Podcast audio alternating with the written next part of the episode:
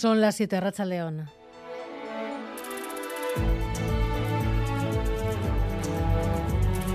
Gambara con Arancha García.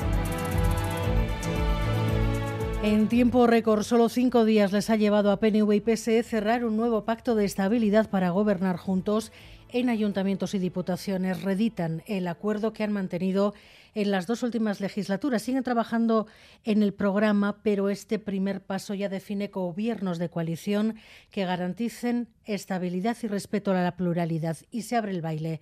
La socialista Maider Echevarría ha oficializado ya que presenta su candidatura a la alcaldía de Gasteiz.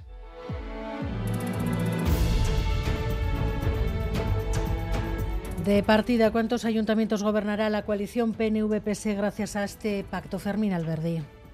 La suma de concejales entre PNV y PSE da mayoría absoluta en 18 municipios de Vizcaya, con Elizabeth Echanove investida primera diputada general en la Casa de Juntas de Guernica. En Guipúzcoa, 10 municipios tendrían alcalde con mayoría absoluta con PNV y PSE.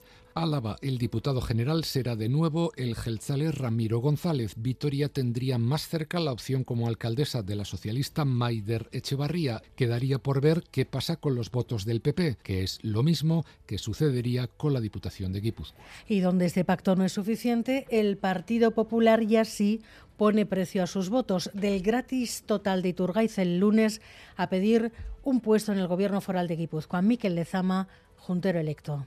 badakigu ez dugula hazienda hartuko, ba, hori, hombre, evidente, badakigu nun gauden, baina, bueno, hor negoziazio bat egon beharko da. Baina adibidez gustatuko litzaidake e, kiroletako e, kartera hartzea esate baterako. A las 8 en Gambara, Coldo Mediavilla, veremos cuál es la respuesta del PNV a esta nueva petición del Partido Popular. Y seis días después del asesinato de Mayalen Mazón, 32 años embarazada, a manos de su expareja sobre la que había una orden de alejamiento, el Endacari ha reconocido que el sistema le ha fallado. Abordaremos la tragedia sucedida desde una perspectiva objetiva y crítica en cuanto a falta de recursos, eh, desde la responsabilidad de las instituciones, hablar de las instituciones es hablar de todas las instituciones, no eh, solamente del Gobierno vasco. Macunde se ha reunido con los organismos que participan en la protección de las mujeres. Se admite que hay ámbitos de mejora y el Ministerio de Igualdad ha reconocido que en este caso se, se han evidenciado los fallos del sistema de vigilancia policial entre autonomías.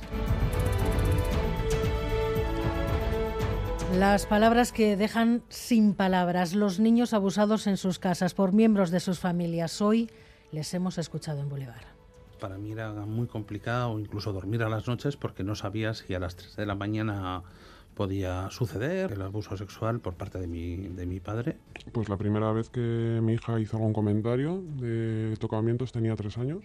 Cuando tenía 14, 15 años empezó a llorar y me empezó, ama, es que hay algo que no te he contado y el abuelo, el abuelo, el abuelo. En realidad creces con una autoestima de mierda, hay un, hay un daño que no se cura, que se gestiona. Luego escucharemos más. Los análisis han descartado, entre tanto, definitivamente el ébola. Los últimos resultados microbiológicos confirman que la mujer hospitalizada y aislada en el hospital Donostiarra lo que tiene es malaria. Y en Cintruénigo ya se ha controlado el incendio en una planta de reciclaje que ha obligado a confinar a los vecinos durante varias horas esta tarde. Además, los sindicatos de la Archancha respaldan a los agentes que ayer cortaron el tranvía y a los que estaban de servicio y les dejaron hacer. Se ha abierto expediente. Hay motivos para pensar, sospechar fundadamente que ayer se produjeron conductas contrarias al ordenamiento jurídico, sea el disciplinario o sea el de seguridad ciudadana. Se abrieron diligencias informativas, que se va a recoger toda la información y se tramitarán en su caso los procedimientos para concretar los hechos y para en su caso depurar las responsabilidades que puedan resultar. La respuesta de los sindicatos desafiante, Rodrigo Manero. Sí, primero ha sido el colectivo de Erchañas a sindicales que ha cargado con dureza contra el consejero Ercoreca. En un comunicado dicen que la actuación de los agentes que permitieron el corte del tranvía fue impecable y que atacar a uno es atacar a todos. No cederán, dicen, y están dispuestos a pagar a escote la defensa o las posibles sanciones. Luego ha llegado la nota de los sindicatos. Los cuatro, Erne, Esan, Euspel y Sipe, dicen también que Ercoreca se equivoca, abriendo expedientes ante protestas que consideran lícitas y le piden que encauce la negociación de sus condiciones laborales. Bueno, en carreteras problemas a esta hora, bastantes problemas a esta hora. De hecho, en la A8 en Ciervena, sentido Cantabria, se ha producido un accidente entre varios vehículos. Hay un carril cortado y al menos cuatro kilómetros de retenciones. Retenciones también en la AP8 en Deva, sentido Donostia, y en la AP8 en la Muga de Viriatu, sentido Bayona, por afluencia de tráfico. Atención también en Guipúzcoa, la Guipúzcoa 636 en Irún. En la rotonda de los bomberos se ha producido un accidente entre dos vehículos que están obstaculizando la calzada. Se está regulando el tráfico en este punto y desde el lunes y por cinco meses. Además, el tráfico por el centro de Donostia alterado por las obras del topo. John Fernández Moro. En la calle EASO se van a cortar dos carriles entre San Martín y San Bartolomé. Además, los vehículos privados no podrán circular por la calle San Martín entre Urbieta y EASO. Hasta siete líneas de D-Bus van a ver variadas sus rutas o paradas. Afecciones que comenzarán este mismo lunes y que durarán cinco meses. El ayuntamiento llama a quienes vayan a visitar Donostia a evitar el vehículo privado y a utilizar el bus lanzadera gratuito desde Yumbe. Los deportes, Asier Careaga, Arrachaldeón. Arrachaldeón, en baloncesto, el GBC se juega el pase a la Final Four de ascenso a la Liga CB a partir de las 8 en Iyumbe frente al Leima Coruña. Los de Lolo Encinas tienen dos match ball en casa después de haberse impuesto en los dos partidos disputados en cancha gallega.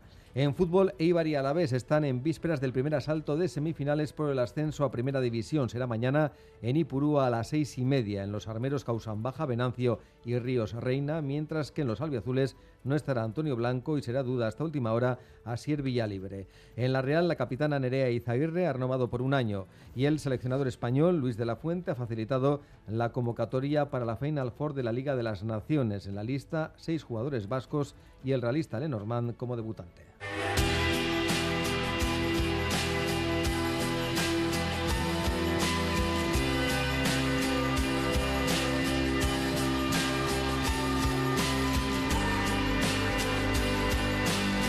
Hacer el tonto al volante no es nuevo, pero grabarse empieza a ser una costumbre, una costumbre muy peligrosa, Gary Suárez. Lo hemos visto hoy en un vídeo que se ha hecho viral en las redes sociales. El conocido youtuber y crítico gastronómico César Blue ha colisionado contra un camión mientras estaba retransmitiendo el viaje en directo por Twitch. Pero el caso es que era la leche. vaya trastazo se han dado aquí, ¿eh? Vaya trastazo se han dado. Toma, me acaba de dar el camión, pero bueno, oiga, oiga, oiga, oiga, oiga, pero ¿qué hace? ¿Pero qué hace? ¿Pero qué hace? Me ha destrozado el Tesla. No me lo puedo creer. No me lo puedo creer. El hombre no ha sufrido ningún daño, aunque su coche sí que ha quedado marcado en todo el lateral. De todos modos, este vídeo ha hecho dudar a muchas personas. ¿Es legal grabarse y retransmitir en directo mientras conduces? Mario García, portavoz del Real Automóvil Club Vasco Navarro, nos da la respuesta hasta ahora es legal, siempre y cuando el conductor no intervenga o no desvíe la atención de la conducción mediante esa cámara, sobre todo mucho menos la manipulación, en ese caso hasta ahora no hay problemas.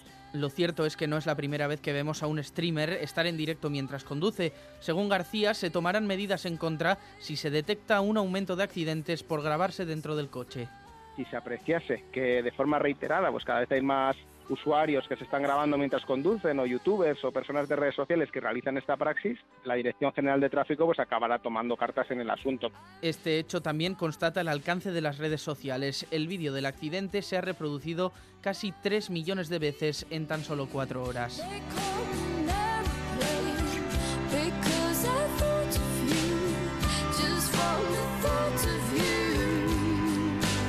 Miguel Ortiz y Alberto Subeldia están en la dirección técnica, Cristina Vázquez en la producción.